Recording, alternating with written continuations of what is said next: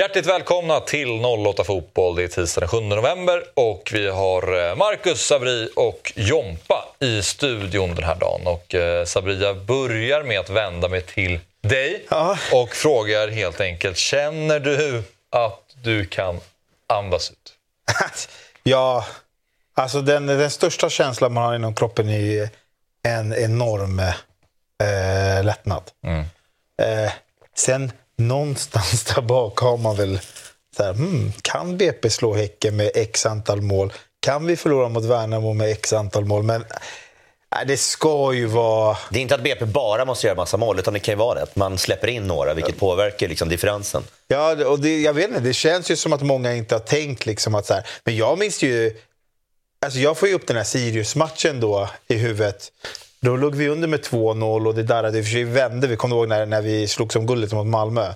Alltså du vet, det var ändå så här, det var ingen som tänkte på att ah, vänta, Sirius kanske kan ta ledningen med två. Det fanns ju, det fanns ju inte sånt. Det var ju så här, vi kommer vinna. Se bara till att Halmstad eh, vinner eller tar poäng mot liksom Malmö. Men här är det så här, känns som att alla AIK liksom, de har bara uteslutit att eh, Värnamo, typ eh, seriens formstarkaste lag, de kan bara inte, de kan inte komma till Friends och köra över oss.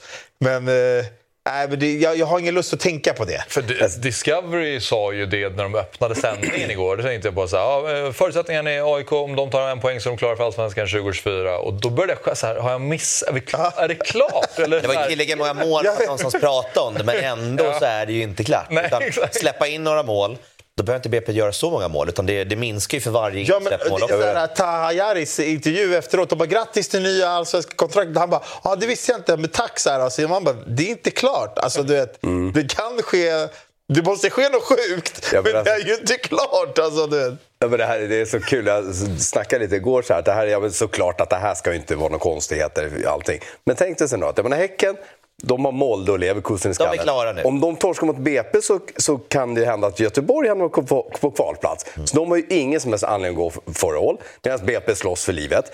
Om BP skulle göra två snabba mål, de, de har spöat alla möjliga. Säg att de gör två snabba mål. Och så rasar in två mål mot Värnamo. Så här, en felaktig straff för någonting. Då blir det ju nervöst i alla fall. Ja. Och då kan fan vad som helst hända. Ja, Jag är- Men det är fortfarande jag är många steg. förvånad där. att, att du och några bajare har gjort den analysen. Ja, ja, ja, ja. Har. Nej, men så, de, de kan få 60 poäng som mest. Fortfarande trea. De kan vara kvar på 57, vi kan gå upp på 53. Det är fyra poängs differens emellan. Och den där poängen spelar ju ingen roll, för de kan ju inte byta plats så att de Nej, är i kuppen och sånt heller. Utan det är liksom status. Där är väl en grej liksom i tabellen. Eh, vi ska ju få möta de som kommer på plats 13. Den kan ju byta plats där i kuppen sen också. Ah, just det. De som kommer fyra får de som ligger på plats 13. Så att, eh, frågan om man vill ha det, så jag ser inte tricks med derbyn i kuppen. Där vill man ju möta andra, andra i- redan i gruppspelet. Just Så den, så den finns ju. Nu ligger ju Göteborg där. BP kan ju gå upp där. Men AIK kan också hamna där. Så det är ett race om vilka vi, ska få, vilka vi får i gruppspelet sen i, i kuppen nästa år. Så den, den finns ju med. För vi blir ju fyra, det är ju klart. Men det är inte klart vilka som kommer 13. Och i cupsammanhang kan ni ju slå oss också. Och det Ja, det känns väl inte osannolikt att det, blir, att, det, alltså, att det kan bli AIK med tanke på att Värnamo är Nej. bra. De tar tre poäng på Friends, inte alls Exakt. Och att eh, Blåvitt slår Varberg såklart. Nej, alltså, alltså, Ja, man får ju ändå skicka en, alltså, en liten känga till Discovery. Alltså, som drar en intervju att det är helt klart. Alltså, det, de kan ju åtminstone säga så här. det- De Teoretiskt. adderade väl det sen tror jag, eller det gjorde de. Men eh, Ja, men inte riktigt kanske precis. inte intervjun. Nej. Nej, och till honom liksom som är ung, har precis liksom kvitterat, gjort det där målet och är väldigt så euforisk och bara känner liksom så wow, första målet. Shit, här borta, den här matchen som betyder mycket, den inramningen.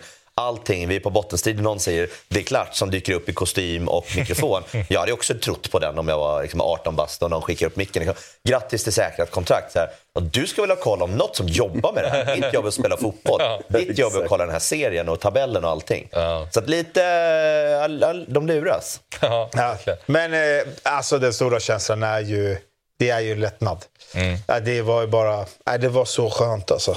Det var vi, så skönt. vi kanske har med oss Tajari på länk under programmet. Se om han poppar upp här på skärmen. Då får vi snacka med honom. Det blir, skulle vara kul att höra eh, vad han har att säga om den här matchen igår. Vi har också med oss eh, Disco som vi ska snacka med om en halvtimme ungefär. Vi prata lite silly med tanke på att eh, Bayern eh, söker ny tränare till exempel och det ryktas ju om att det kommer hända mycket i både Djurgården och AIK också eh, under fönstret. Men eh, vi har några snackisar som vi kanske kan börja med. Lite intromässigt. För det har ju varit en hel del som har hänt ändå. Inte några stora grejer kanske, men till exempel då Djurgården MFF, apropå att vi ska ringa ut disco, intresserade av eh, Vessa Mobali i Sirius. Eh, han verkar, du fick ju uppleva honom på plats, eh, Marcus. Ja. Han är bra. Han är väldigt duktig. Ja. Kanske, kanske en uppgradering till Gurbanli. Ja, han gör ju inte asmycket. Att, eh, det mesta, det känns som en själv skulle vara en uppgradering också. Ja. Trötta gamla säger, nej men det, nej, han har ju sett väldigt spännande ut så att det, det ska man ju vara intresserad av. Och i Malmö, Malmö där Ricky så kan det vara roligt att trissa upp ett pris då, eller om vi faktiskt vill ha någon så, så är det ju ett bevis på att han var jävligt duktig. Men det har vi alla sett. Ja.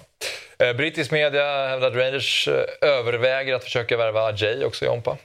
Det var många abrovinker överväger att försöka kanske värva. Det lät som att det var verkligen bara en agentgrej, men eh, den har jag inte hört. Det vore jävligt trist. Att jag, jag har sett ett par stjärnskott som, har, som man har fått sett lite för lite i Bayern. Det är ju jättefint att vi, har blivit, att vi är kända för att vi tar talanger från Afrika och utvecklar dem snabbt och sen säljer dyrt vidare. Men jag ser gärna att jag minst en säsong till, för det är otroligt supertalang alltså. Han ser otroligt mogen ut redan i sitt spel. Som nästan Odelon-nivå, liksom, fast mer eh, mogen. Odelon var väldigt fladdrig eh, när han var i Bayern. Liksom. Han såg ut som att inte kroppen var färdigväxt riktigt. Adjei ser, ser ut som en 25-åring som har kört ett tag. Liksom. Så han får gärna stanna ett tag till. Men ska han gå dit så kommer det ju kosta, för han har ju kontrakt.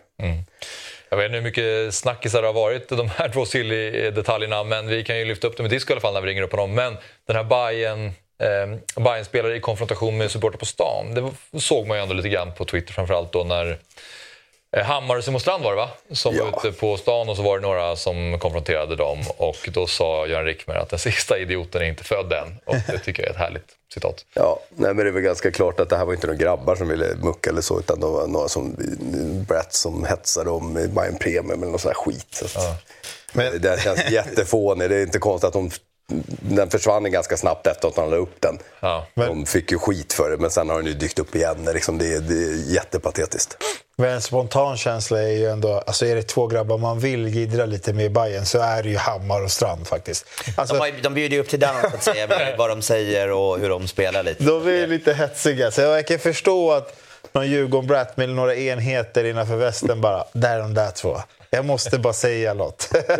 alltså hade det typ det varit, var- ja, hade det varit Besara och någon annan, då kanske de bara skit i det där. Men liksom Hammar och Strand, det, det finns ju ändå taggarna utåt där. På. Ja, Strand hade ju folk nog gått fram till oavsett om han spelat i Hammarby eller inte. Som han varit ett jävla as i, i hela sin sejour i Elfsborg också. det gör har ju det inte okej. Nej, men, men det har gjort, varit ett par duster så att han har ju byggt upp det liksom över tid. Att så här, Ja, ja. Jag har nog stört mig. Jag, många stör sig nog jävligt mycket på mig. Så här, jag är inte så jättekonstig när jag har varit ett jävla as plan. Så det, han har ju en sån stil. Och, eh, Ja, men det var ju, så- alltså, det var ju säkert på AIK som träffade på Edvardsen ut. Ja, ja. Det, alltså, Sen finns det ju det spelare alltid då- lite här och var. Sen finns det ju. Håller man det på en bra nivå, man kan gnabbas lite liksom, med Lensa, går över styr, ja, men då, då, då är det ju bara för mycket. Ja, en bra glidning eller ett bra hån, det är ju liksom, då Ja, men det får man man ju lyfta på hatten. Liksom. Ja, jag gick ut liksom efter 0-0. Jag kanske inte borde vara ute då. Kanske sitta hemma och inte vara ute och, liksom synas på stan efter en sån håglös insats. Liksom. Mm. Jag hade någon djurgårdare liksom varit ute där efter den här matchen i, i helgen också. Så här, Vad gör du ute? Det var inte bra. Stötte dock på halva Sirius lag kan jag säga. Så de var Det kan jag ju tänka mig. De har ju ju vara ute med all rätt. Liksom. De ska ju absolut Levde livet gjorde de. Definitivt. Men vi, vi övervägde ju att ha det här som veckans bonjävel. Vi kan väl skicka upp veckans bonjävel direkt. Vi landade istället i de här supporterna som eh, under matchen mellan eh, Häcken och Malmö FF klev in och skulle skydda ehm, eh, vad heter det? Eh, Ayamuso som eh, då klev av och då sprang det in ett gäng som skulle liksom... Alltså, Ayamuso bråkade ju med Sören Rex när han hade klivit av och då kände de här supporterna att vi måste skydda honom Det från var ju inte det värsta bråket man har sett heller. Man har ju Nej. sett eh, värre handgemäng på plan med, Ja. med knuffar och annat. Här var det typ en hand lite lätt i bröstet. Typ så här. Du kan backa bak lite och sen lite munhugg. Så att det fanns ju verkligen ingenting där. Hade det Nej. varit en snyting reagerar ju folk annorlunda. Då bässar man ju ändå till lite. Men här att det gnabbas lite. Och det var ju en icke-situation. Ja, det var ju ingenting. Och sen plötsligt ser man ju ett gäng som springer in på vad, vad, vad händer nu? Ja. Ja, men ingen Ja, aning. försvara kommer in, liksom, är det, är det vem, vem är sur på vem? Är det Häckens? Är det Malmös? Liksom, vad, vad dyker de här lirarna upp ifrån egentligen? Så är det bara någon som har köpt sittplats för att de fick inte plats på, på bortasektionen. Så man fick ihop det. Och sen till slut så här, ja, men det ser ut som att han ändå Ja, men han snackar med på något vänster. Ja, men det var hans boys som ska backa honom. Så här. Men det fanns ju inget att backa för. Han var ju typ kungen egentligen. Finger upp till alla, går därifrån, vässar lite och ska bara kliva av. Så att Han var ju klar egentligen. Ja. Nej, men tanken slår ju en liksom... Ja, vad, alltså, vad är agendan? Alltså, ska de smälla på Rex då, eller? Eh, alltså, Sören, ska de gå in, går de in och dabba han? Eh, sen kan man ju tänka så här, jävligt lojala polare ändå. De kanske inte är de smartaste, men alltså... Lojala är de ju ändå. Men alltså grejen att de hoppar in sådär. Du vet, de, de sitter ju på hans biljetter och så här. Det blir lite, du vet, det blir lite så här... Det är en jättestor läktare heller också. Så här. Nu saknas en klick med sju gubbar. Alla var svartklädda och satt precis här borta. De stolarna är helt tomma och när de ska tillbaka, de säger där är ni. Men du vet, De var ju han... tydligen redan avstängda också. Det var ju klart liksom samma dag. Men du vet han... Det, springer fram någon Häcken security guy. Han, eller han hade så här häcken, Han springer fram i så jävla lack på Oso. Och då tänker jag så här, lugn. Alltså han hetsade publiken lite. Men han har ju sett hans grabbar. Jag förstod då sen när man fick, Han ser oh my god, hans grabbar är inne på planen. Jag måste springa och förvarna honom att liksom, hej, Ta bort skicka, den jävla skicka tillbaka mig. För först tänkte jag så här, varför är du så lack? Han gjorde bara lite så här och du vet, kan inte vara så sur på honom.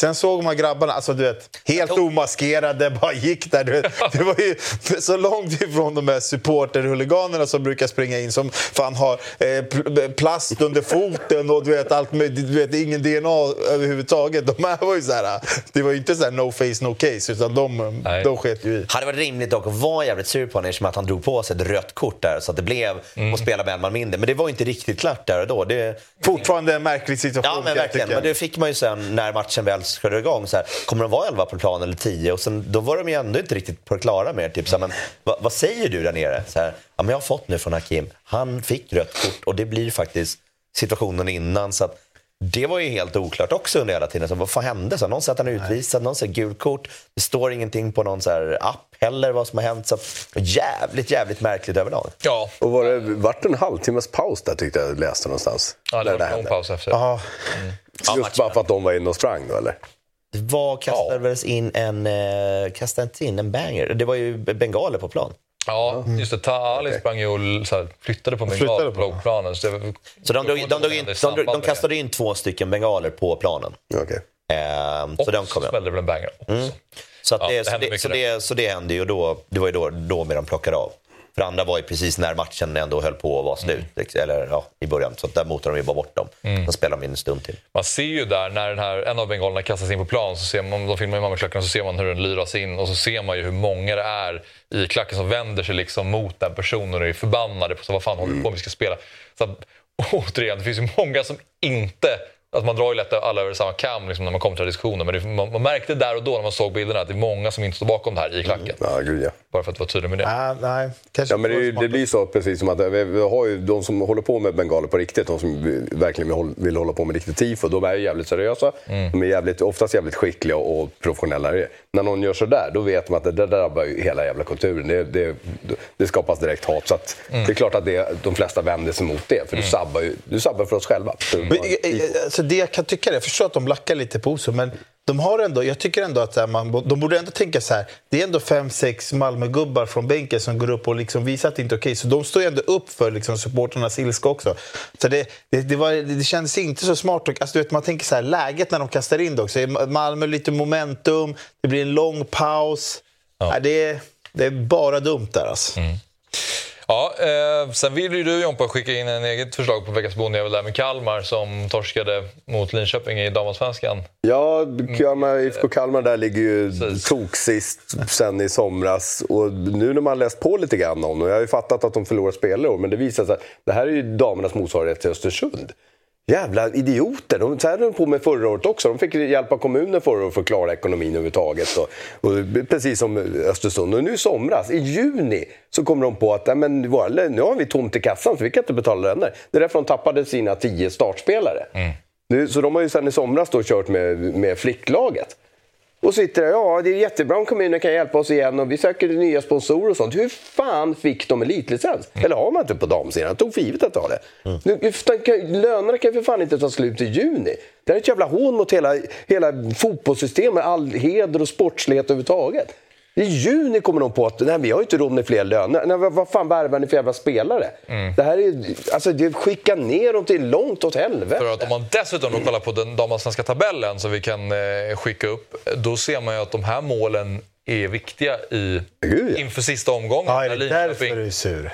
Ja, men nu, det kommer inte bli någon målskillnad här mot oss. Nej, oss. Okay. De går om oss om, om, hon kan om de som gör typ 12 mål här. Eh, hon vinner ju skytteligan, eller? De, målen borde ju inte räknas kan man ja, men Precis, sådana saker också. De, de, de skämmer ut hela serien. Tänk dig något sånt här i herrallsvenskan. Folk skulle bli galna. De skulle ju, alltså deras kansli skulle ju brinna ner om ett lag betedde sig på det här sättet. Att skapa så jävla osport. Du, du pissar ju på hela serien. Det är liksom, du, du förnedrar allting. Fan, lyft, alltså, säg till att säsongen börjar. Nej, vi kommer inte klara det här. Mm. Vi, vi hoppar ner till trean så länge. Det här är ett sånt jävla hån. De pissar hela jävla fotbollssverige i ansiktet. Mm. Ja, nu tog pengarna slut. Det är tomt i kassan. Vi hoppas kommunen kan hjälpa oss. Kolla på med 73, 73 gjorda då. Ja. 15 den där matchen. Liksom. Då, ja. då var man inte ens på 60 mål innan den där fighten gick igång. Ja, men precis. Det är lika många mål gjorda som ni hade. Bara det att de hoppade upp lite fler då. Ja. Och Kalmar liksom här. Tre poäng. Och de, de, de fick ihop tre kryss på vårsäsongen. När de hade ett lag liksom. Ja, det är starkt. Men eh, det är alltså en omgång kvar av den här serien och Hammarby leder Jompa och det var den här matchen Aj, mot Häcken på Tele2. Det var jäkla fight och nu är det alltså samma poäng som Häcken mm. inför sista och du ska till Norrköping. Ja, det är många som ska dit. Mm. BF-bussarna tar slut samtidigt som de bumpar däcken på dem. Så det går jävligt fort nu. Men äh, Bayern har ett jättebra läge. Äh, vi har ett par mål upp och Häcken ska möta Piteå som slåss för att ta en tredjeplats och en Champions League-plats. Mm. Eh, så Häcken lär inte krossa Piteå och då ska det räcka med att Bayern vinner mot Norrköping som inte har något att spela för. Mm. Så det är ett otroligt kul läge. Får vi hoppas att de inte gör. Förstår ja, att du eh, följer eh, herrarna mer såklart och, och, och noggrannare och det kanske betyder mer, jag vet inte, du får beskriva själv. Men vad liksom, hur mycket har det växt på det, damernas framfart här och vad skulle det betyda om de faktiskt vinner ett SM-guld? Eh, jag, menar, man har alltid haft koll. Jag, i alla fall, jag såg några matcher liksom redan på 80-talet. Bayern tog ett SM-guld liksom med Lille Persson och Ann Jansson och de här. Så att, eh, men det är klart att här, fotbollen har alltid stått mycket närmare och betytt mycket mer. Mm. Försöker se så många matcher jag kan med dem. Så. Sen är det liksom, damfotbollen idag är är, det, dels är den mycket rolig att se på. De är betydligt mer anfall och skott på mål än vad herrarna presterar just nu. Mm. Och det är så mycket, ja, det är så mycket Bayern, det är kanalplan, det är allting sånt runt omkring. Det, allting är mycket närmare på något sätt också, som när vi vann kuppen i våras. Man kunde, laget kommer ju att fira med supportrarna på ett sätt som herrarna aldrig skulle göra. Mm. Allting är så mycket närmare. De är, de är verkligen så extremt tacksamma över det stöd de får. Och det, det är så genuint på något sätt. Liksom. Mm. Så det, är, ja, det är jättekul. Det är, jätte, det är stort. Ja, alltså det är ju SM-guld. Ja, ska, bara vi kommer trea nu så får man ju, då blir det Europaspel nästa år. Mm. såg vi vad Häcken nu får, ska möta Real Madrid och uh, Chelsea. Det är ju jättetråkiga resor att göra nästa sommar, ja. om det blir så. Ja. Ja, nej, det kommer bli en eh, ruskigt spännande sista omgång i damallsvenskan. Vi tar upp eh, våra tre punkter på Hammarby. Där var en av dem damernas guldvittring. Och sen så har vi ju då eh, Fenger förlänger. Kan väl eh, börja med också Jompa. Hur viktigt känns det? Jag tänker det är ändå en tid när Bayern har eh, bytt ut många spelare och det känns som att mm. stommen förändras konstant. Väldigt viktigt att någon som är konstant. Mm. Ja, men ungefär så. Och det är han som har varit längst idag tillsammans med Dauer skulle jag tro, i klubben. Eh, visst, han kanske inte, det är kanske inte hans bästa säsong i år, men han är fortfarande en riktig klippa i försvaret. Det är inget mm. att snacka om. Eh, han är riktigt, riktigt duktig och att få till en förlängning innan säsongen är slut, det var, det var många som tyckte det kändes bra. Det känns riktigt jävla bra. Det, han hör till stommen liksom. Han har varit här i är det sex eller sju säsonger.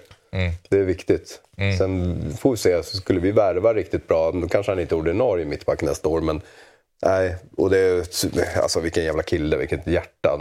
Hela familjen och han trivs här i Stockholm. Och han har blivit så otroligt Hammarbyfierad mm. under de här åren. Mm. Ja, men eh, sen var det ju er match senast då. Det var mot Värnamo borta. Det blev 0-0. Det var ingen superrolig eh, allsvensk fotbollsmatch. Och eh, det var med eran, vet inte vad vi ska kalla dem, nya tränare. Lorins heter han va? Mm, Abel. Abel, ja precis. Skönt att jag eh, kommer ihåg det. Eh, men jag tänker bara framåt nu då för Hammarbys del 2024. Ni kommer ju inte ha Lorins eh, framöver utan ni ska ju anställa någon form av ny tränare. Vad, liksom, vad ser du framför dig? Vad vill du att Hammarby nästa säsong ska vara? Om det är en bred fråga, men om du förstår vad jag Ja, det letar efter. Herregud, det finns ingen an- anledning att ändra målsättning som i år blev lite... Det blev lite skevt eh, när det gick som det gick. Och, men det ja, har vi diskuterat anledningarna till. Det är klart Hammarby ska sikta på att vara ett lag i toppen. Men då måste man ju också visa det. Eh, ekonomin finns, det behöver värva spelare. Vi måste ju börja med att hitta en tränare. Det var ganska mycket... Hammarby är inte diskreta med att man försöker få Kim Hellberg i alla fall kan vi säga. Första bilden som lades ut efter slutsignal på Hammarbys Twitter, det är när Kim Hellberg klappar om Nahir Besara när han ska kasta ett inkast. Ja, matchen är slut. Och samma sak presskonferensen efteråt. Det, det, är, det är nästan lite lustigt när hur han parerar de frågorna och allt sånt. Så att det, det känns ju som att de, det redan är klart. Men att han ska göra färdigt i Värnamo. Liksom. Det är så det känns. Och det, är- det är det viktigaste, att få en tränare på plats så fort som möjligt. Det är det absolut viktigaste, för han måste ju vara med och välja spelare. Och det ska ju, de, det ska ju, laget ska ju helst vara på plats liksom, 6 januari eller vad det blir när vi börjar säsongen. Så är det. Och det kommer behöva värvas mer. Det här, det, det här är inte, vi behöver inte byta ut hela laget. Liksom. Det finns massa grejer här att bygga på. Men några måste vi göra oss av med och några måste in.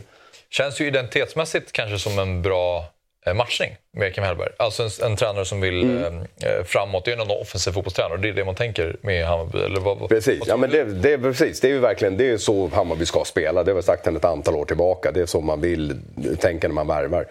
Ehm, och så eh, ja, från Billborn och framåt, egentligen innan dess också. Men då stämde det inte riktigt med Mikkelsen och sådär. Eh, så att, ja men absolut. Plus att han ska vara bra på att utveckla ungdomarna också. Värnamos, Värnamo den här hösten har ju spelat faktiskt en jävligt rolig fotboll. Offensiv fotboll och, och lyckats lugga rätt många lag. Liksom. Fan, är vi uppe och de är förbi oss då i tabellen till och med. Va? Så att, ehm, sen om det... Det finns ingenting som säger att han skulle passa bra i Hammarby bara för det. Men självklart, det är de grejerna man, man gillar med Kim Hellberg och Värnamo. Men om ni skulle, om det ryktas då om att ni skulle dra en tränare som är mer av en typ Jan Andersson-typ där det ska spelas 4-4-2 eller en eh, Rickard Norling med shape-fotboll eh, som är på pappret inte Hammarby men kanske är en ganska stabil fotbollstränare och man kan få en annan typ av kontinuitet i resultaten. Alltså, hur skulle det kännas om ni skulle rekrytera en sån typ av tränare? Alltså jag är helt open-minded, för det är så jävla svårt att säga hur en tränare skulle funka. Du, kan ta Pep Guardiola, liksom, och han kanske misslyckas på Årsta IP. Det det går inte att säga någonting. Liksom, så jag är väldigt open-minded. Men Hammarby har, det är ju verkligen det är ju nerskrivet att vi vår fotboll ska vara rolig att se på, den ska vara anfallsinriktad och sådär. Det, det är det kriteriet som tränaren, vem en värvar så kommer han på att så här måste du göra. Det är väl det som folk är lite besvikna på, att Martin har dragit så mycket nödbroms och handbromsen. Liksom. Men det är lite också därför att vi har tappat så jävla mycket offensiv kraft och allt sånt. Så att Han ändrade taktiken efter att ta poäng. Det gick bra. Ja. Nej, jag, jag är, eh, har väl egentligen inte alls något förslag på tränare. Och 4-4-2 eller 3-5-2, allt sånt där är ju också liksom... Det är ju sak samma. Vi har dribblat med de här. De här har ju spelat alla möjliga kombinationer i år. Så det, sånt där bekommer ju inte. Lyckas det så, bli, så är ju, kommer ju tränaren bli hyllad. Liksom. Ja, vad, vad, vad, vad tror ni, eller vad tror du om eh, Bayern 2024? Ja, men jag tror oavsett eh, vilken tränare de får in så behövs det någon spelare till med lite mer rutin här. Det tror jag. För att eh, de ska kunna bygga vidare. Tyckte att kanske det var en, en sak som saknades lite. Alltså de här unga spelarna har varit bra. Och, eh, någon, men någonstans ställdes väl liksom Cifuentes att du vet, han ska utveckla dem samtidigt som man ska vinna fotbollsmatcher. Det är inte alltid det enklaste. Eh, och sen på slutet kändes det väl lite som att han, eh, Cifuentes, kände väl mer eller mindre att det här kontraktet ifrån ett annat kontrakt utomlands, QPR, alltså det var viktigt med poäng. Alltså, så de här kryssen som han tog, ah, han, han verkade inte riktigt lika missnöjd med de kryssen som han var eh, innan. Så det var väl en poängskörd han ville ha liksom, och inte liksom förluster i kolumnen. För det var inte många förluster, det var väl bara en. Typ mot, eh, jag tror det var... var det, Malmö hemma Malmö, vi då. exakt. Och sen var det väl idel kryss och, och, och segrar. Ja. Så äh, men jag tror liksom, oavsett vem de tar in så behövs det bort med lite spelare. Satsa på de unga män, lite mer rutin. Alltså kanske eh, ringa hem Bojanic. Något sånt Mm. tror jag hade passat Bayern bra. För Fenger, jättebra förlängning. Kanske inte kommer, kanske inte kommer vara den här gubben som spelar alla matcher. Nahir är kvar. Eh, men Nahir vill nog kanske inte bara känna sig som en farsa. Utan att han, han måste ha någon som han eh, kan bolla lite med, tror jag. För det var ändå Cifuentes som hämtade honom, utvecklade honom.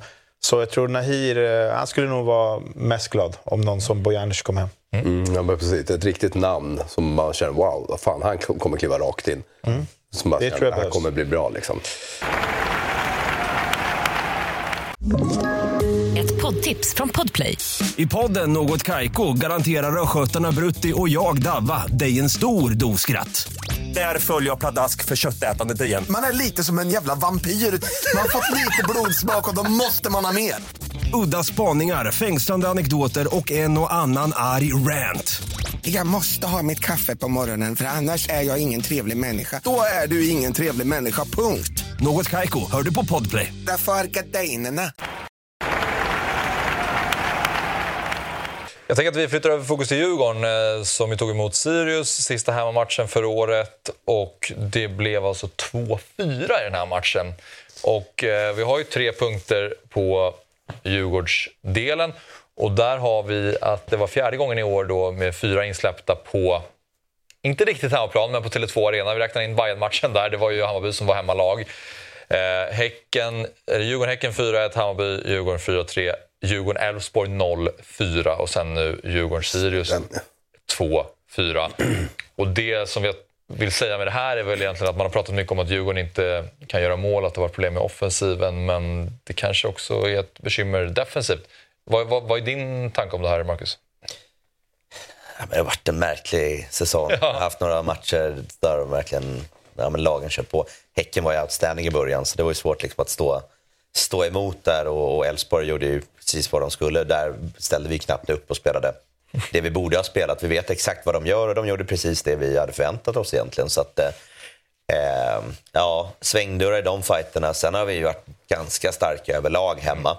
Eh, så det har ju stuckit, eh, stuckit iväg några gånger men så här, ja, vi var inte riktigt på alla matcher. Eh, Det har varit några, några gånger det var för, för stor skillnad mot, eh, mot vissa lag. Men den här matchen ska vi inte släppa in fyra påsar. Har du lite förståelse för det också med tanke på tabelläget och nu att det, alltså, det finns inget att spela för riktigt? Alltså, på ett sätt, ja, att man är där. Men, men vad det här är för match, det är ändå sista hemmamatchen. Liksom man, någon, vi hade chansen på att haka på också. Så här. Eh, Precis, ju. Häcken skulle spela dagen efter. Ja, så att vi hade ju saker fortfarande att spela för. Eh, så ur det perspektivet, nej. Eh, det är klart, de börjar bli lite mer utcheckade. Man tittar uppåt, så här, då, då ska de typ torska två. Så, ja, ja, det går, kan hända. Eh, men eh, så här ska vi inte behöva agera. Det var några svaga, svaga stunder under matchen där och tar ju ändå ledningen också. Liksom, vi came ut efter 12 minuter, han är tillbaka, har inte spelat en match på vet inte hur länge. Går in och startar, vilket bara kändes ju märkligt överlag. Direkt skadad ut och så kommer seriens minsta spelare som får hoppa upp och nicka in en boll. Jag vet inte hur den gick in heller. Som Mikael Nilsson bara kastade in den där bollen också. Så man nickade honom rätt i magen i den klassiska skopan som man fick öva på under likten. Men ändå lyckades han liksom strula den mellan benen på sig.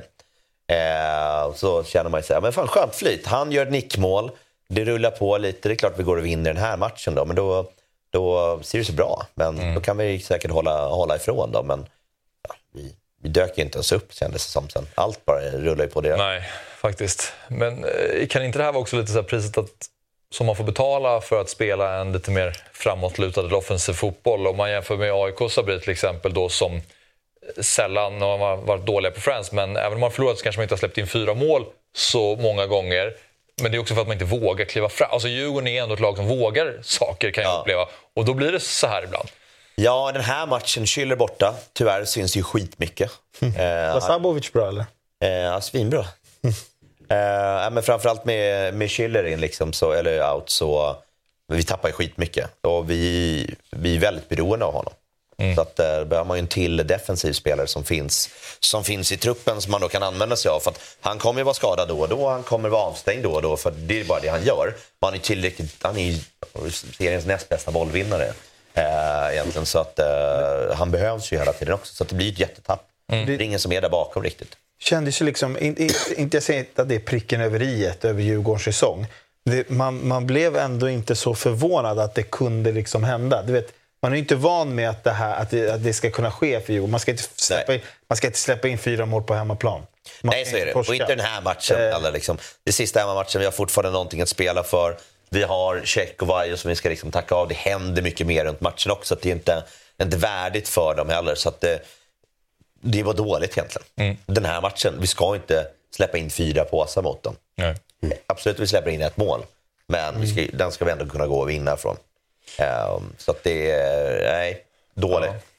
Vi återkommer till eh, Vajor och sen har, vi, har du förberett en, eller vi har bett dig förbereda en grej Marcus, vi återkommer till dem. Men nu har vi med oss eh, Sportbladets Daniel Kristoffersson eh, och vi ska prata lite silly season, så vi säger välkommen till 08 Disco. Tack så mycket. Du, jag, jag, tänker att vi kastar oss direkt in i de viktigaste frågorna här och en av dem är ju Kim Hellberg till Hammarby. Hur nära är Kim Hellberg att vara Hammarbys tränare nästa säsong?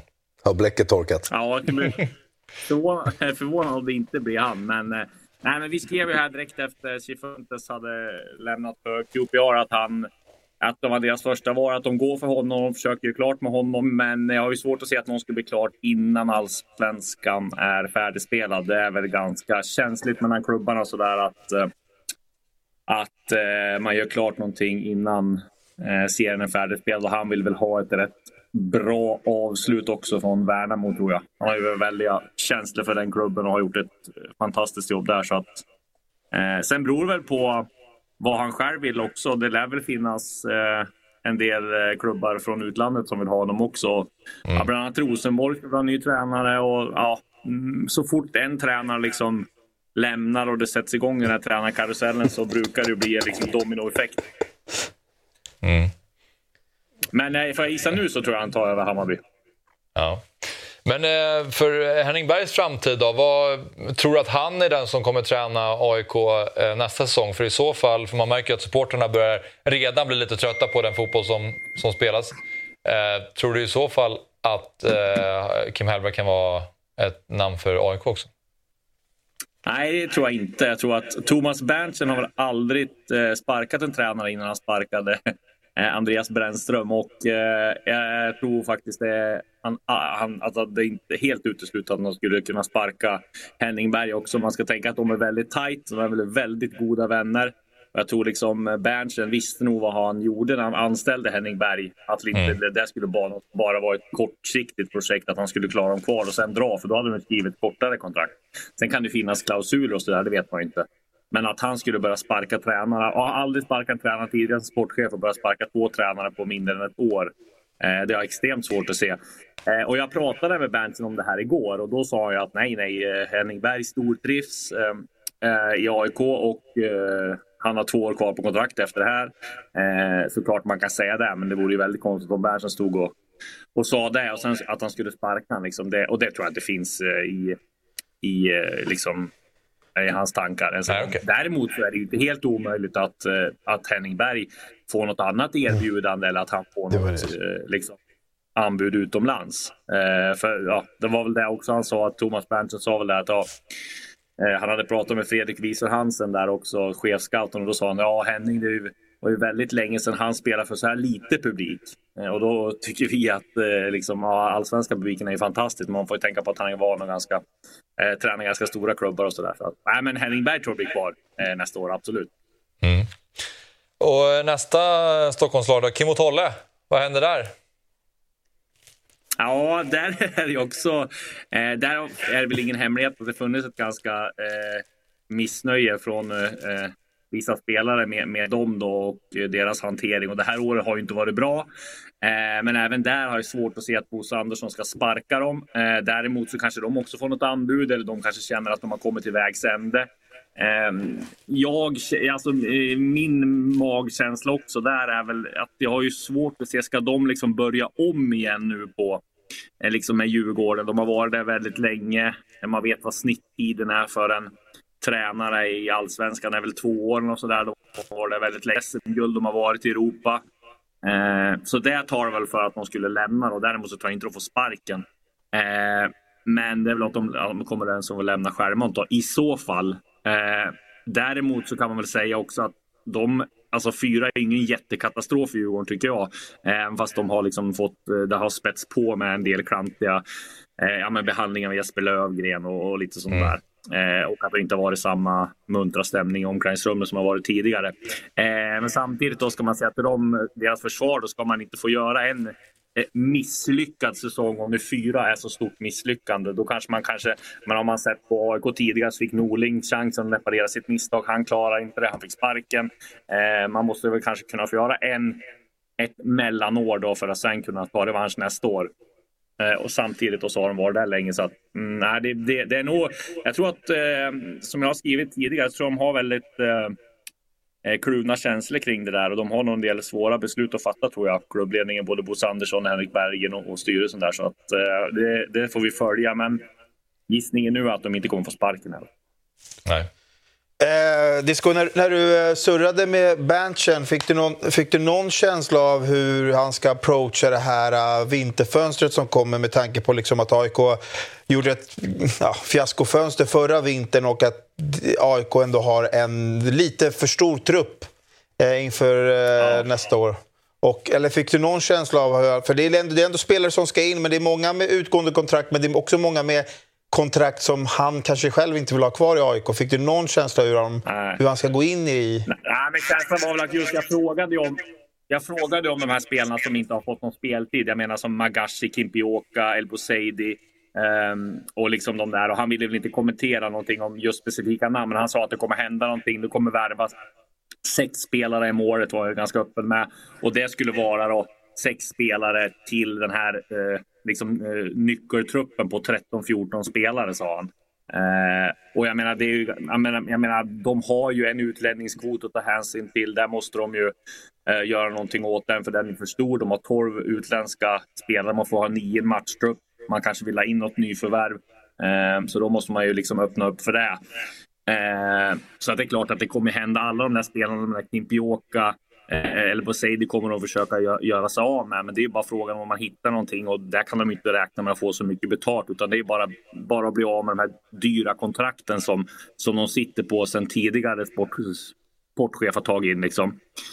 Eh, så att, eh, men Hans var ju ganska öppen med det också, att nu är ju truppen eh, alldeles för stor. Men jag menar, han är öppen med och säger det att i Norge så är vi så är vi vana med att köra med stora trupper för att vi ska ha bra kvalitet på träningen. och så Han pratar lite grann om unga spelare kontra, kontra äldre spelare. Att man ska inte ha för många unga spelare om man nu ska nå, vara med och slåss i toppen. Men eh, nej, så det är klart det blir ett pussel att lägga, men det kommer bli jätteruljans i AIK såklart. Mm. Ja, men eh, Disco, övrigt då kring eh, Stockholmsklubbarna. Har du några intressanta spelarrykten att dela med dig av? Ja, men det har varit mycket om Adjei här och jag har ju prat, eh, skrivit att han slutscoutsar Bologna och det vet jag att eh, Marco Di Vaio, sportchefen i Bologna, följer honom noga där. Eh, sen såg jag att det kom ut uppgifter här från England att Marti ville ha honom till QPR.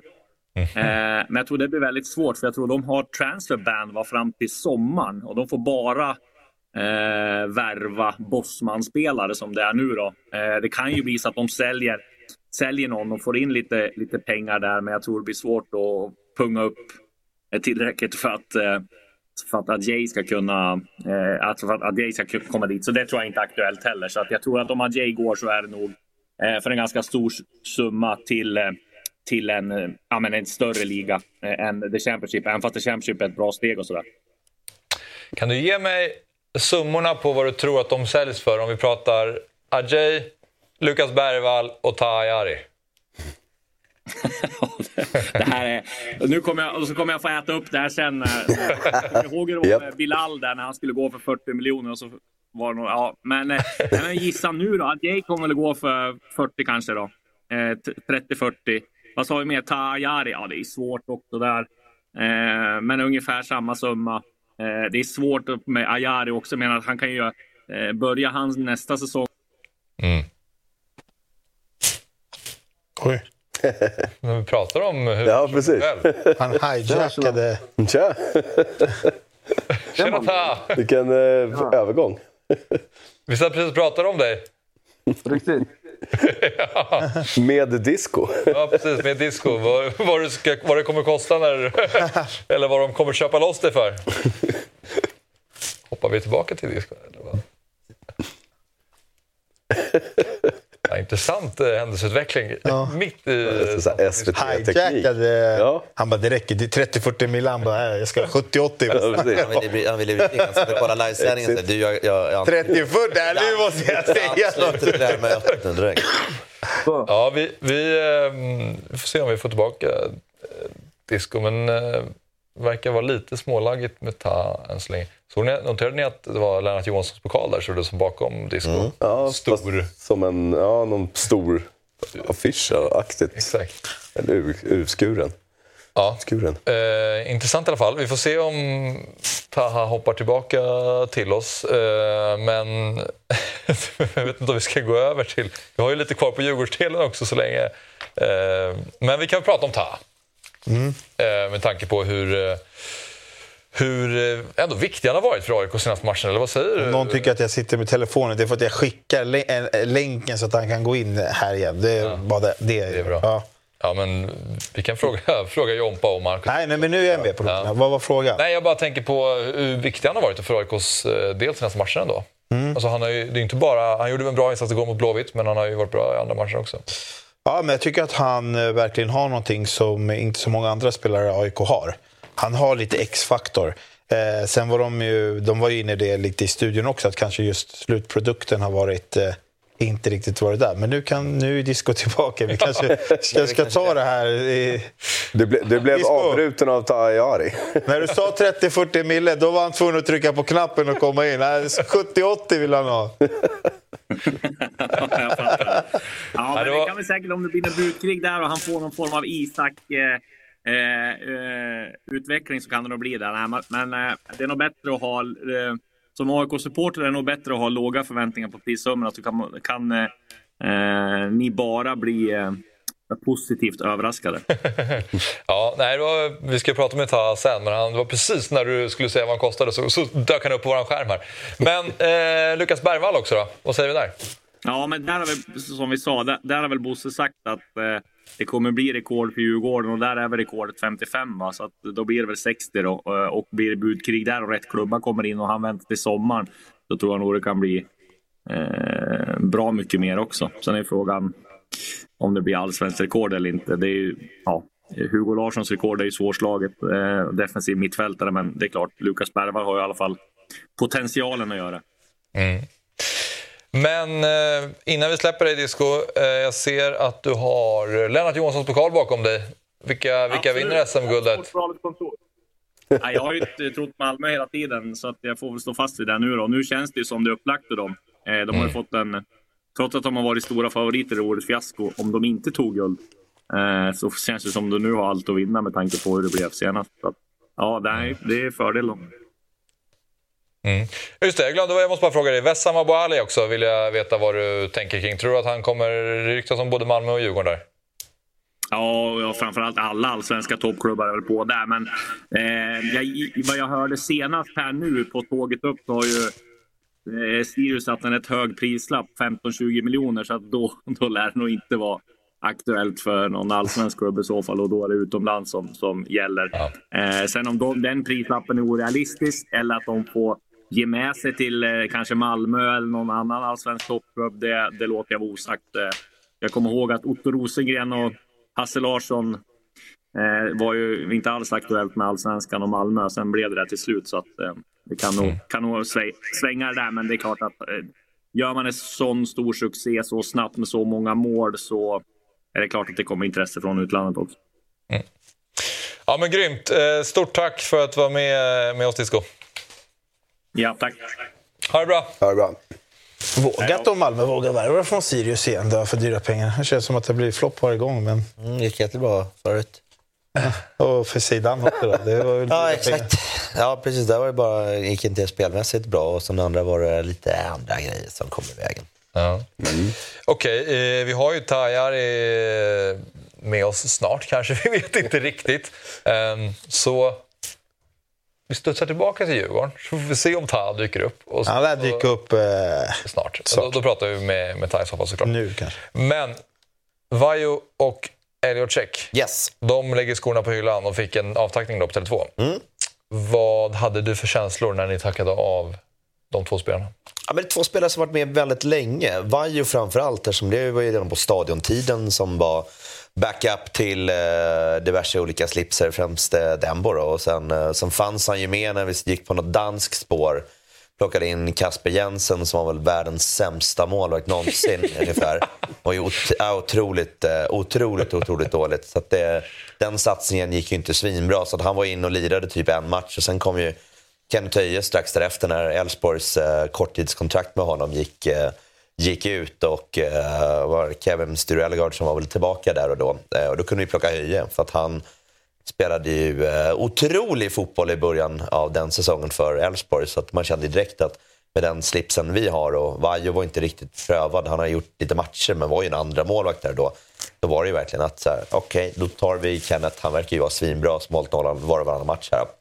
Eh, och sen har han ju alltid funnits med på något sätt som verkligen är en djurgårdare. Är, är härifrån, liksom, har lirat i eh, de olika lagen eh, uppåt och funnits med där. Så det har funnits en, en viss romans kring det där hela tiden. Och få, när han kom väl tillbaka så här med att fan nu skiter vi i, i Gais. Jag åker upp till, åker upp till Stockholm liksom, och, och sätter mig på bänken med Djurgården för att han vill vara, ändå vara uppe i Stockholm och vara med Djurgården. Och det sades ju att han skulle inte lira. Vi hade Isaksson som fanns där. Fast som- ska han peta honom? Nej, det kommer inte ske. Eh, och det bytet som väl hände guldsäsongen. PK ut, gjorde några skapliga matcher och sen liksom droppade mer och mer. Och sen kommer den där killen in, räddar den straffen nere i Malmö. Och det var ju där man kände första gången att fuck, guld. Det kan fasen bli det. Det var ju första gången man fick den känslan. Så han var ju otroligt delaktig i, i det guldet. Så han kommer ju alltid vara en, en, en guldhjälte och en, och en ikon, även om det inte blir så mycket matcher. Många säsonger, väldigt få matcher. Men den väl säsongen han lirar, Och den, det, den tar jag med mig alltid. och det adderar ju bara till hans eftermäle på något sätt ännu mer. Att han inte spelade så mycket matcher, men han var alltid där. Liksom. Ja. Och, Men han var ju den guldmålvakten, liksom, kom in, var så stabil, räddar den straffen. Liksom, borta mot Malmö, vi vinner matchen med 1-0, för den står ju väger. Sätter de den 1-1 och det vi ska fortsätta kriga, men då tog vi ett steg ifrån dem. Så här, Nu är det vårt att förlora. Gör inte vi det, ja, men då, då kommer vi fortfarande ligga före dem hela tiden. men Elocek lägger ju skorna på hyllan. Vaiho gör inte, det vet man inte väl?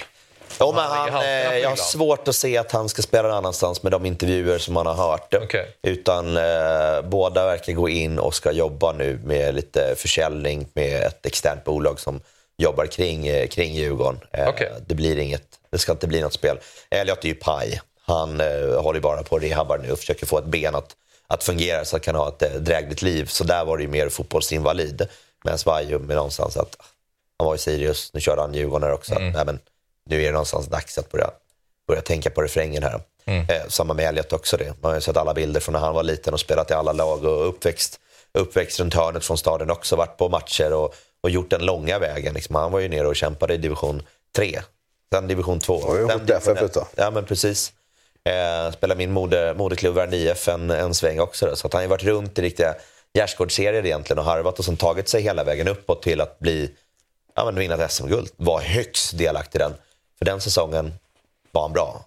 Då, då fick ju Augustinsson petas och sen de hoppar lite fram och tillbaka. Den ska spela inte. Men just den säsongen så var det ju check säsong och var ju otroligt bidragande. Och framförallt är med fram till det målet i, eh, nere, i, eh, nere i Norrköping också. Så att eh, ytterst, ytterst delaktig. Så det är en sekvens jag alltid kommer ta med mig. Just det. Så det är två rena guldhjältar. Så, eh, en era som går i graven där. Man har två ur-djurgårdare som ändå slutar.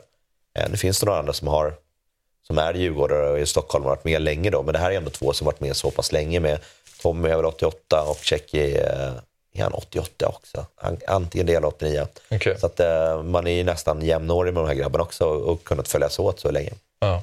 Nej, men så det, är, det är stort att ha haft dem och eh, det är, var fint att få, få tacka av dem att Tommy fick göra några minuter. Men det var en otroligt kass match att göra det i, tyvärr. Men eh, de ska ha många varma kramar fram. Bara fråga nu, har vi Ta med oss eller inte? Jag ska försöka få någon... Du skriker ut i rummet Nej. som hör i mikrofonen. Jag tror att de... eh, Jo, där. Ja, jo, men eh, jag menar bara att jag försöker se också. nu har vi ju Tajari med oss på tråden här och eh, Ta, till att börja med då. Har du eh, druckit någon Pepsi Max? Ja, men det har jag faktiskt. det har jag gjort. Och du, du, ni skulle fira med Pepsi Max och väldigt, väldigt mycket mat. Har du ätit väldigt mycket mat? Ah, väldigt, det kanske är överdriva, men eh, tillräckligt. Ja.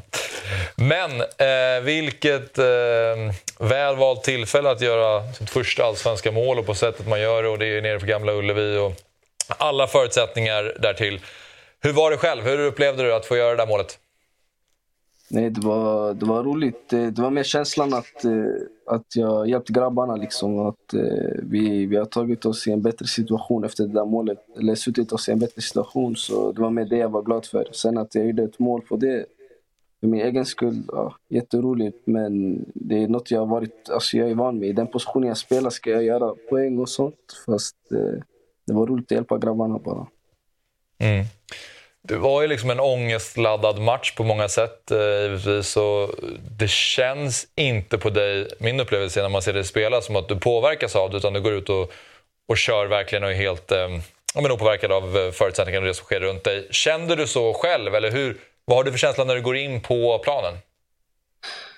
Alltså på uppvärmningen, det var alltså, sjukaste atmosfären. Jag tänkte det här kommer bli alltså, för roligt. Det är bara roligt att spela sådana där matcher. Så, nej, jag tänkte bara jag ska bara ut och köra och göra min grej. Jag tänkte inte så mycket faktiskt.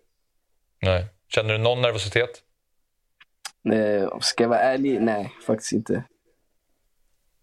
Helt iskall. Alltså, hur, var liksom, hur var känslan då i halvtid? För det kändes ändå som så här... Alltså, som AIK-supporter, då har man ju...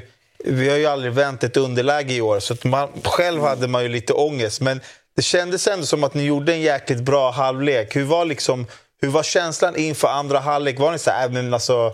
För jag efterfrågade ju lite Mutumba, vem är det som ska kolla luren och göra det här? Och så skrev jag i en WhatsApp-grupp, jag bara det är Ayari. Han kommer, han kommer avgöra det här. Så det var jävligt kul att du gjorde det. Men hur var liksom känslan i halvtid? Nej, men som du säger, vi, grabbarna visste att vi hade varit det dominerande laget. Vi hade gjort en bra halvlek. Och vi kom in i halvlek med, en- alltså, med en positiv känsla med att vi ska vända det här. För vi hade spelat en väldigt bra halvlek och vi visste att vi hade dem. Sen, sen att de gör det här flaxmålet, det, det är sånt som händer. Men vi visste att vi hade det i oss att vända och det gjorde vi också. Tänkte en annan fråga, bara inramningen där när ni gick in. Hur, eh, jag vet att det var eh, Göteborgs tifo, men eh, hur, alltså, hur hypad blir man som spelare? Även om man ser liksom hemmafansens... eh, För det var ju mäktigt det man fick se från tv. Hur var det att... Jag tänker att du aldrig kanske har varit med om sån inramning förut med raketer och... Ja, nej, det, var första gången det. när det var så, det var första gången det var så mycket ljud faktiskt. Jag blev chockad. Men eh, så, länge ingen, så länge ingen blir skadad och sånt så är det bara roligt med, med sånt där. Mm. Men Taha, kan du och ni andas ut nu inför sista matchen? Alltså fotboll det är en, det är en farlig sport. Alltså. Man ska inte se, man ska aldrig se aldrig. Men, har du eh, förstått nu att eh, den som intervjuade dig efter matchen ljög lite om att ni var helt klara? Ja, han lurar mig visst. Det var han, han stod och gratulerade till ett nytt allsvenskt kontrakt och det är ju egentligen inte helt Ja, klart. Jag hade, inte, så- alltså, jag hade ingen koll. Jag visste, jag visste att, det jag visste var att om BP skulle kryssa eller torska så hade vi varit klara. Men sen vann de. Då hade jag, inte, alltså jag visste inte vad som krävdes. Liksom. Sen sa han, han bara, ja, ni har säkrat då. Jag bara, aha, okej, jätteskönt. Vi är kvar. Liksom. Men du, så du hade inte koll på att liksom en poäng räcker väldigt, väldigt långt här? Vi behöver liksom inte gå framåt och vinna den här matchen. Ja, nej, det tänkte jag inte på faktiskt. Jag tänkte bara, det här måste vi vinna för att vara kvar. Men en, om en pinne räcker, det är usch, jätteskönt. ja, men eh, när vi släpper det här, vad, eh, hur upplever du nu de här senaste matcherna? Det har ju varit eh, fler segrar nu givetvis än under, eh, under våren. Du har fått spela mycket. Vad är känslan inom gruppen? Har det blivit mycket bättre om du jämför med eh, våren? Ja, alltså, det är bara att kolla på resultaten och hur vi spelar. Alltså, i, våras så... Jag tycker att nu, senaste matcherna har vi höjt alltså, våra prestationer ganska rejält. Eh, till skillnad från vad som, vad som hände i våras. Och jag tycker att vi har visat god karaktär i de flesta matcher. Sen går det inte vägen hela tiden, men jag tycker att inställningen i de flesta matcherna är där nu på, på höst. Eh, andra delen av eh, av allsvenskan. Så ja, som du säger, jag tycker att vi har, vi har höjt oss ganska rejält faktiskt. Mm. Och den där målgesten, den vill du inte berätta vad den handlar om va? nej, nej. nej, den håller jag för mig själv än så länge. Okej, okay, man är ju nyfiken. Ja, men det kommer mera. Ja, men vi kommer väl få se den fler gånger, eh, antar jag. Va? Mm. Peka på klockan sådär. Men jag tänkte, Disco han sa här att du skulle gå för 30-40 miljoner. Jag tänker vi siktar mm. lite högre, va? Alltså, om du frågar mig? ja, ja, men som aik -are. Alltså... ja, jag vet, jag vet. Fortsätt göra sådana här mål så kommer det nog eh, bli lite högre än sådär, tror jag. Ja, ja det tror jag också. ja, men... Eh, stort tack för att du eh, ställde upp och pratade lite med oss, Ta, och tack lycka till den sista matchen mot eh, Värnamo. Tack, tack. Grattis till målet. Tack så mycket. Ha det bra. Ja. Hej.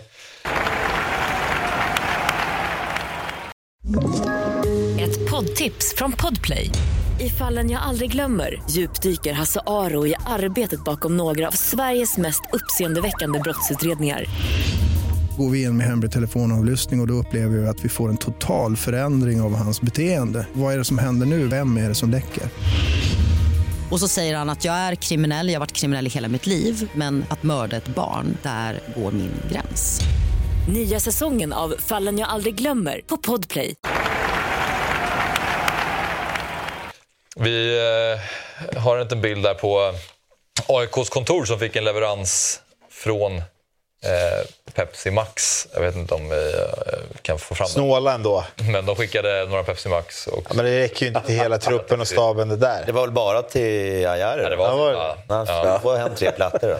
Oh, den blinkade till där. Grattis till målet här från ja. på Pepsi. Ja, men det är till han.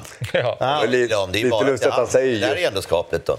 ja. Jag menar med den reklamen de får, skicka en pall fan. Ja, ja. sluta snåla. Eller?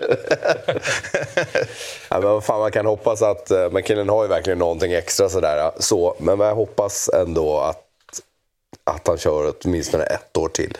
Han behöver ju... Han har, han har ju några steg kvar sådär. Och jag tror att om inte AIK är lika kass som nästa år, då tror jag att AIK har rätt plats att, att ta Vi kan ju se det vad som, vad, lite vad som lyckas med och kanske vad en ny standard kan sätta sig. Så lyckas vi nu förlänga med Lukas till exempel, mm. ja men det visar ändå någonting. Att säga, men fler personer också, men han valde att stanna kvar. Man kanske, han kanske sätter ett exempel för folk i Djurgården om vi får liksom mm. liknande personer också. Som, om du kommer upp och du är lite hypad, inte kanske lika mycket som, lika stort hypad som, eh, som Lukas är också, men, så här, men man gör det någonstans också. Du kommer få gå. Vi kan ha ett sånt case också när vi ska värva spelare.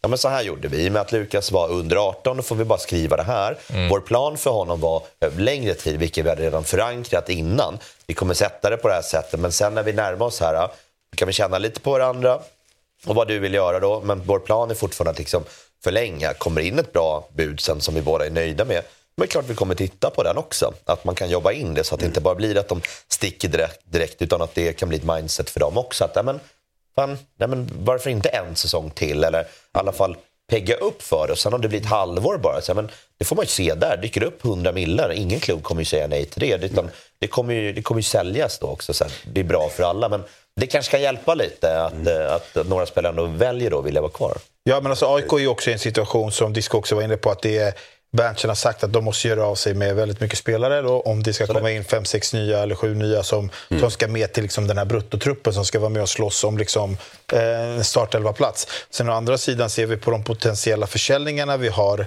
som kan dra in en del cash, så är Ayari absolut i det facket.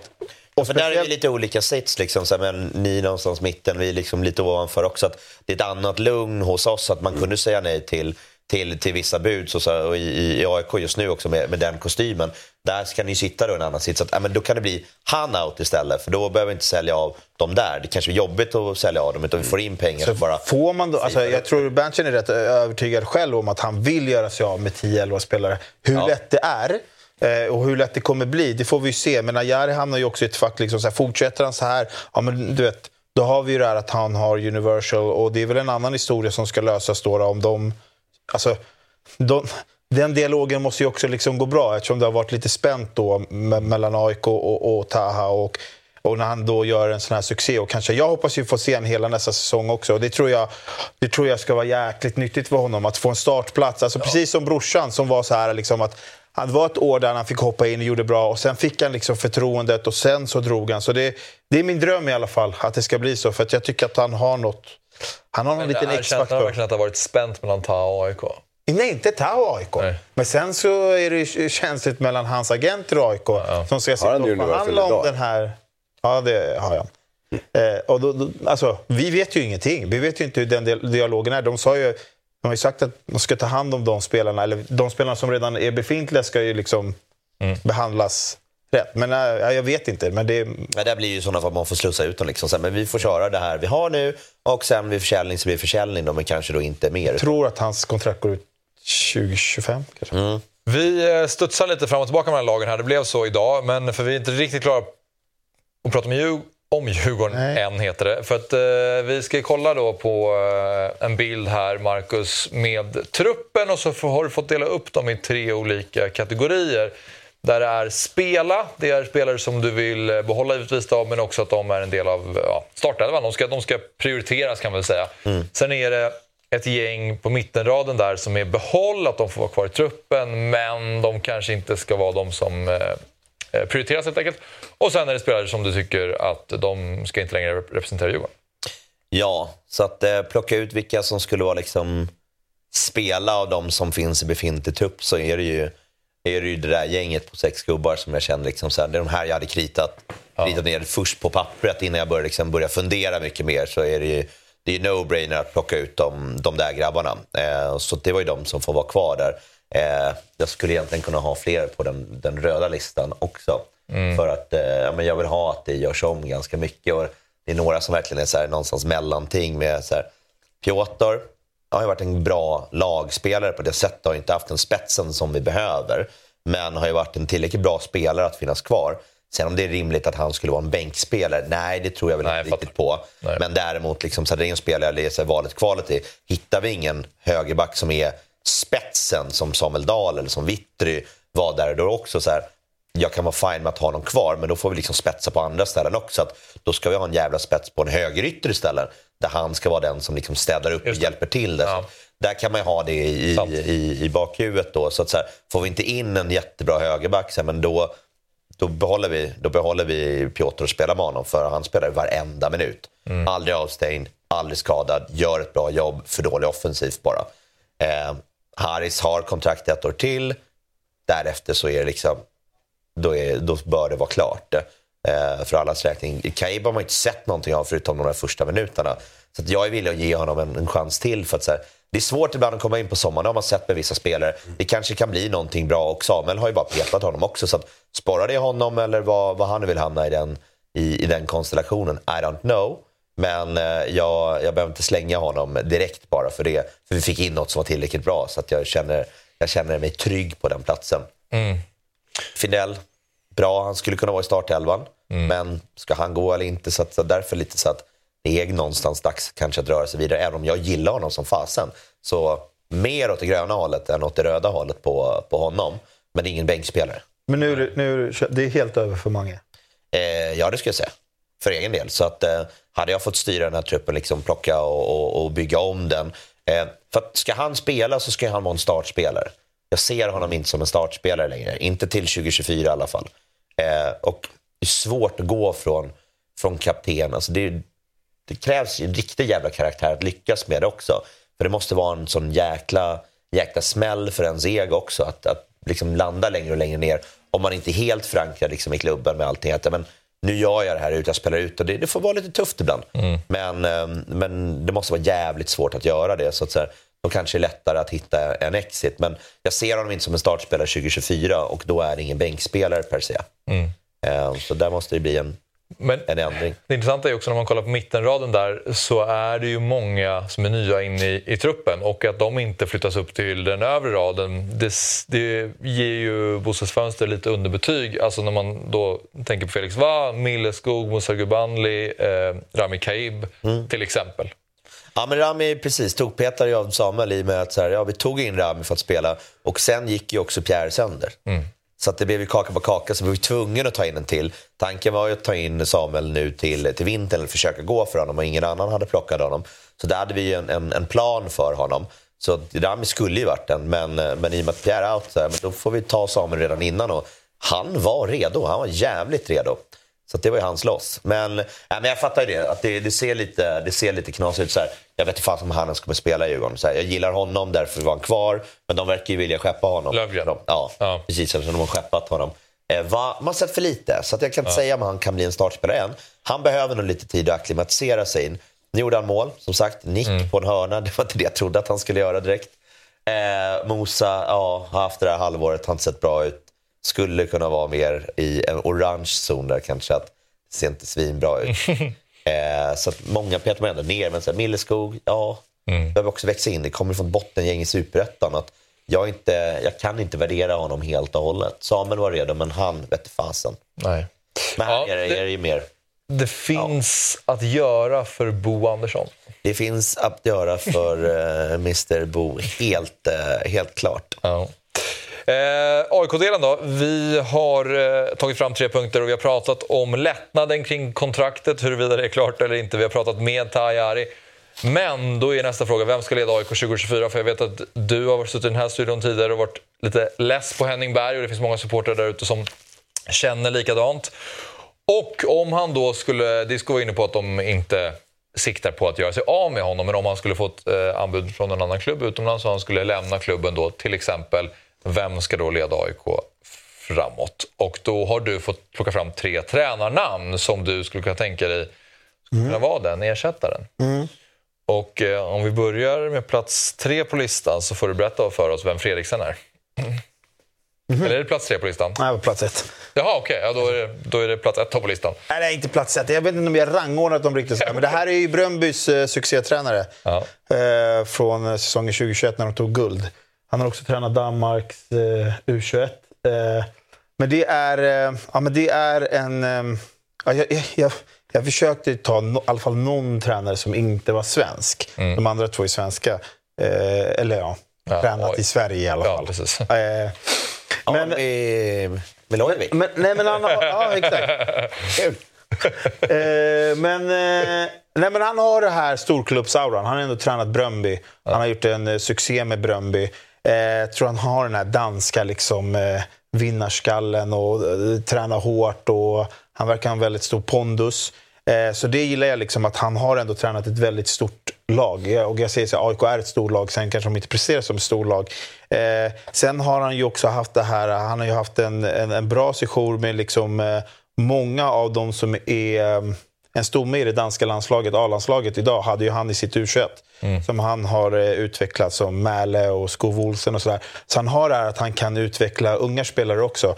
Sen vet vi att, att Bröndby har ju spelat både en offensiv 4-3-3 och spelat liksom en 5-3-2. Så att han kan väl typ spela lite båda. Eh, vet, så det gillar jag. Sen, sen läste jag lite om honom och han har ju en jävla degree i economics. Alltså han har jobbat på Danske Bank jävligt länge. Så det här med ekonomi och sälja lite spelare, alltså han kan ju ha ett finger med där i spelet också. det också. Den... Titta på de svenska lönerna och känner bara nej, nej, nej. Nej, men vi får erbjuda en platta bärs eller någonting. Så här. Grabbarna kommer få dricka öl till lunch också, så det är väl super. Men jag, det var bara en liten detalj som jag gillade när jag läste på om honom. Att liksom så här, En jävla ekonom också. Då kanske han förstår vissa värden av att eh, spela vissa spelare och så här. Och sen, men han... Jag vill ha in så här, en tränare jag vill få in. Jag vill, jag vill inte ha in... Jag vill, jag vill inte ha in en tränare som bara kan förvalta. Jag vill ha in en tränare som kan utveckla. Eh, Och, så, och det, det är tre sådana tränare som jag har tagit ut. Henrik Jensen också i Kalmar. Berg känns ju som, Henning Berg, förlåt, han känns ju som han kan förvalta. Han kan komma in och förvalta en trupp. Ja, men Jensen, här, eh, det är också liksom, det är Danmark... Eh, spåret vi är inne på. Mittjylland var han väl assisterande tränare när de, och, och varit ungdomstränare i Mittjylland. Och där vet jag liksom ungdomsspelarna som kommer från Mittjylland har gjort eh, succé. Och sen var han assisterande tränare där då när de eh, kom eh, tvåa någon säsong och sådär. Så att han har ju liksom också varit med där. Sen är det ju det här med Kalmar, att de alltid hittar bra systemtränare. Och det, så här, jag tycker ändå att Kalmar spelar en, en väldigt intressant fotboll och jag tycker att han har gjort det väldigt bra. Dock när jag tittar på Kalmars trupp så är det återigen så här, mm, det är ingen Oliver Berg kvar där som Henrik Rydström hade. Hans bästa spelare går sönder efter fyra matcher i Carl Gustafsson. Och han lyckas ändå laborera in att liksom Kalmar är... De är ett litet upp och nedlag, men du vet, de, de slutar på övre halvan av tabellen. Han gör det riktigt bra. Och det här är också en, inte en förvaltränare, en utvecklingstränare, systemtränare. Så, så ska han komma in så ska han komma in i tid. Eh, han får gärna plocka med sig Carl Gustafsson och Romario då, som är mina två favoriter. Eh, Mario också? Ja, det är, det är en personlig favorit. Ja, ja, fan, det var, alltså, från att AIK började för yngre så, ja, så direkt Nej, men vi måste ha på seriens äldsta jävla lag. han är bäst i Allsvenskan! Han är duktig. Ja. Eh, han bjuder ju fan på eh, barbecuefester och sånt där också. Ja, du vet ju att han kommer gå sönder direkt. Ja, jag vet. Nej, men, ja, men man, gillar, man har ju spelare i andra lag man gillar, liksom, så det, är, det är en kul touch. Jag vill inte tror han kommer. Du har också Kim Hellberg med på den här listan. Och det gör ju saker och ting extra intressant. Då. Ja, men alltså att han vill till Stockholm är, tror jag. Det gör han verkligen. Nu, skulle ju, nu ska ju norrbaggarna, hörde jag här, att de ska också lägga sig i leken. Men jag tror ju liksom att det är först till kvarn. Eh, han vill ju nog ha det här ganska klart för sig innan... Eh, för att göra slut med Värnamo har han redan gjort. Det, han har suttit här i andra program och sagt att liksom, de har ju tackat för sig och i princip. Eh, så jag tror att det, det, blir ju lite först till kvarn här. Men det är också en, en tränare, en systemtränare som jag gillar. Det är en tränare som Alltså ska AIK byta tränare vill jag in dem ganska tidigt så att de får vara med på det här fönstret. Jag vill inte ha samma skit som vi hade eh, förra fönstret. Och vi hade, nu har vi en VD på plats, vi har en sportchef på plats. Vi vill också ha en tränare på plats. Att de här tre får jobba tillsammans det här fönstret. För att vi sjabblade bort det förra fönstret. Det var Oh, vi behöver inte gå in på den cirkusen igen. Men ska man knipa Hel eh, Kim Hellberg, ja, men då, då eh, krävs det ju att Berg avgår själv på pipan.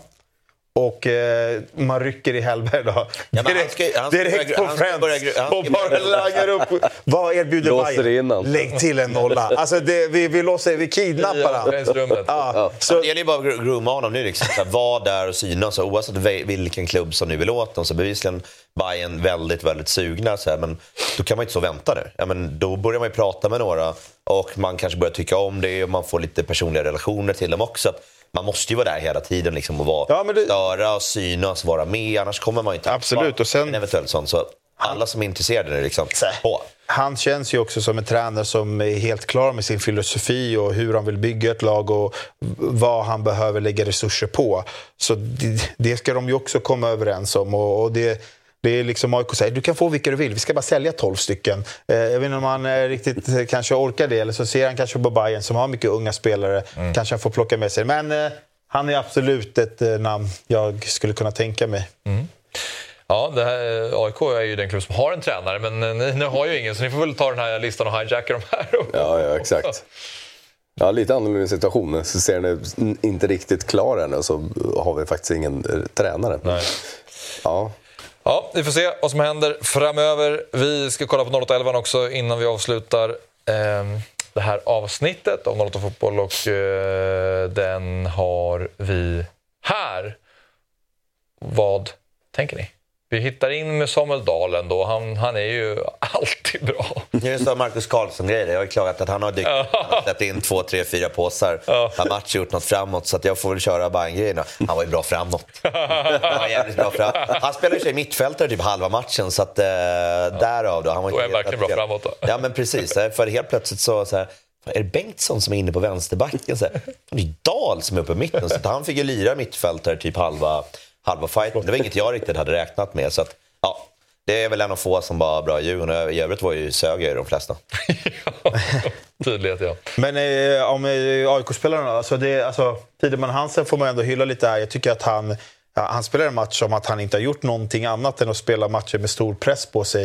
Eh, när man liksom lugn. såg han var liksom högerback mot Elfsborg så var det lite så här, oh shit, ja, det, var en, det var en risk. Mm. Men här som mittback, väldigt fin uppspel, uppspelsfot, han var lugn, vann sina dueller. Så jag är väldigt imponerad över att han kliver in i det där mittlåset då med Sotte. När det ändå är Milos plats som har någon form av status i både laget och klubben och allting. Så jag tycker att han gör en eh, riktigt bra match. Omar, eh, Fan, slit, han såg man hela matchen den här gången. eh, Omar. Ja, det är ju inte alltid man Ja, gör men det. det- det Man ska, kändes- göra, man ska alltså- göra en stånga ibland, men den här matchen så var han ju liksom lite överallt och väldigt inblandad. Man, Verkligen. man kände ju verkligen så här... Alltså, visst, det, det finns en liten slutprodukt som kanske inte alltid finns där. Men jävlar vad han var... Alltså, det känns som att han krigade för någonting som... Jag väntade bara var- att han skulle byta ut sig själv, typ, så att nu har jag fått så jävla mycket Ja, men alltså, du vet, där är ork- också- orkar inte, gick och haltade tidigt i matchen också. Så här. Han har- Ska han spela vidare nu? För han haltade de sista fem minuterna och, vi kände, och man kände så här, någon gång kanske kommer Göteborgsforcering och, och, och Berg vägrar ju byta. Han var ju ute och pratade med honom där ett tag och så var det så här, hur, hur ont har du? Kan, kan du spela det på var ett... länge hade ont. Det var många smällar han fick. Man såg att, orkar nu eller? Vad känner de spelarna på bänken? Så här, Omar Faraj på ett ben byts inte ut mot mig med, fem minuter kvar och vi får inte släppa in mål. Men en otrolig krigarinsats.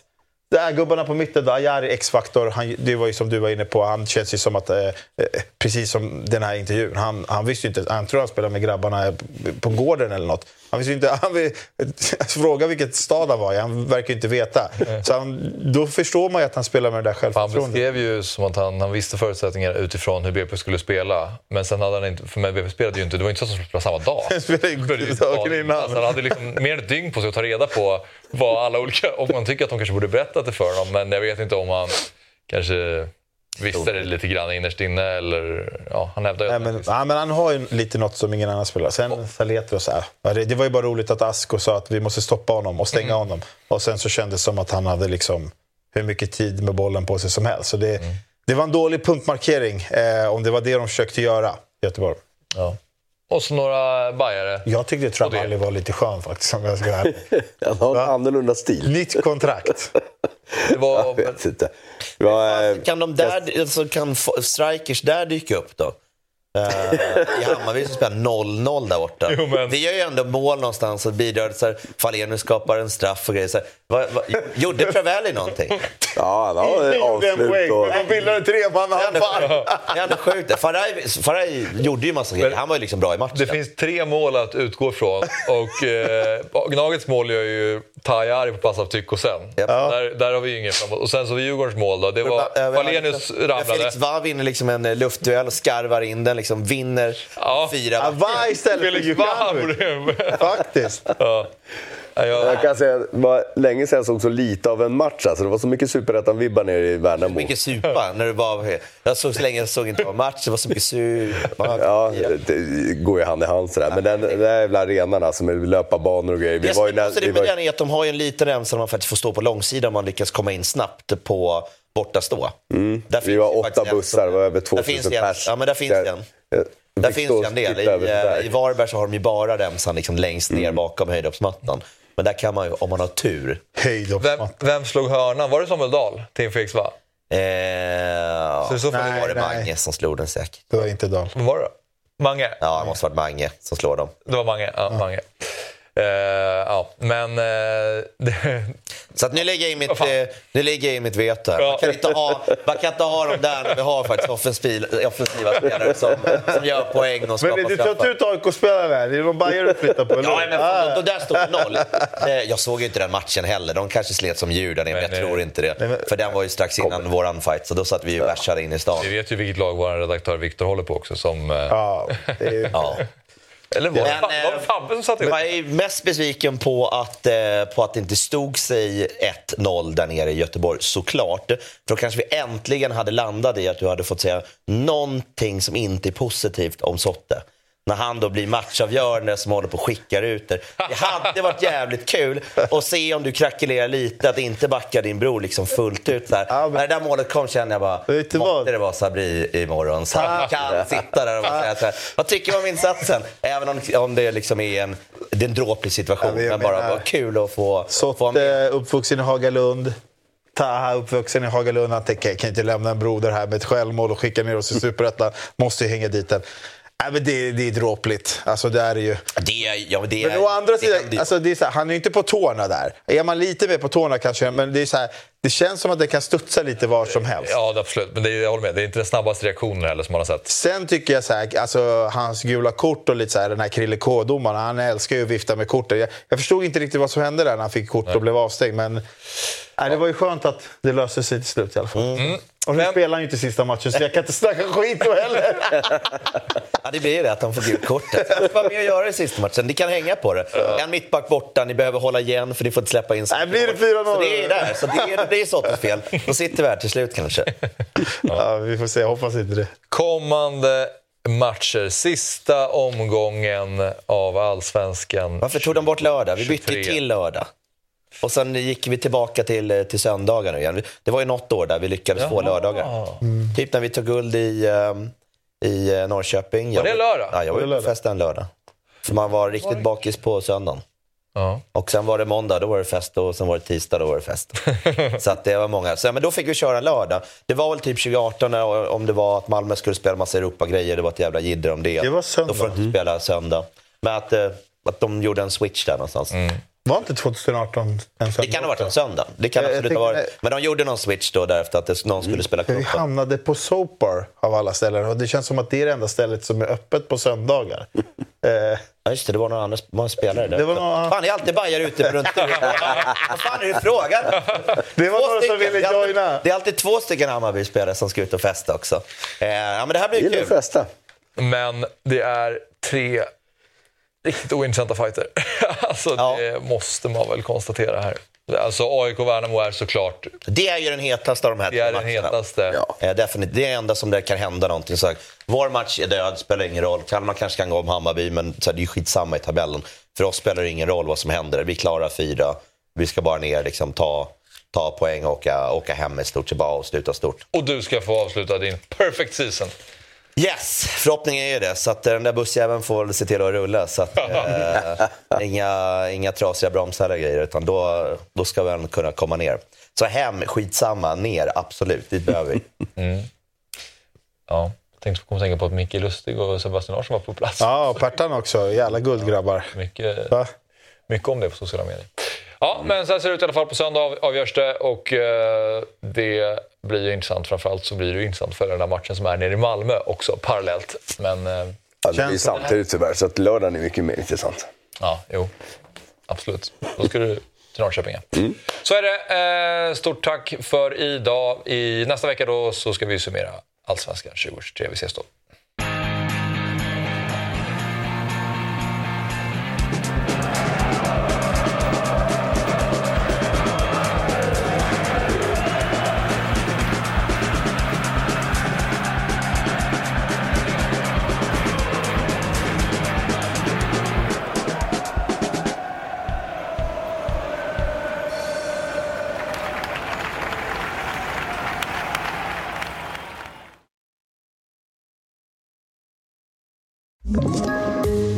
Ett poddtips från Podplay.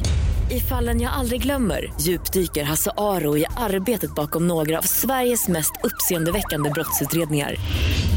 Går vi in med hemlig telefonavlyssning och, och då upplever vi att vi får en total förändring av hans beteende. Vad är det som händer nu? Vem är det som läcker? Och så säger han att jag är kriminell, jag har varit kriminell i hela mitt liv men att mörda ett barn, där går min gräns.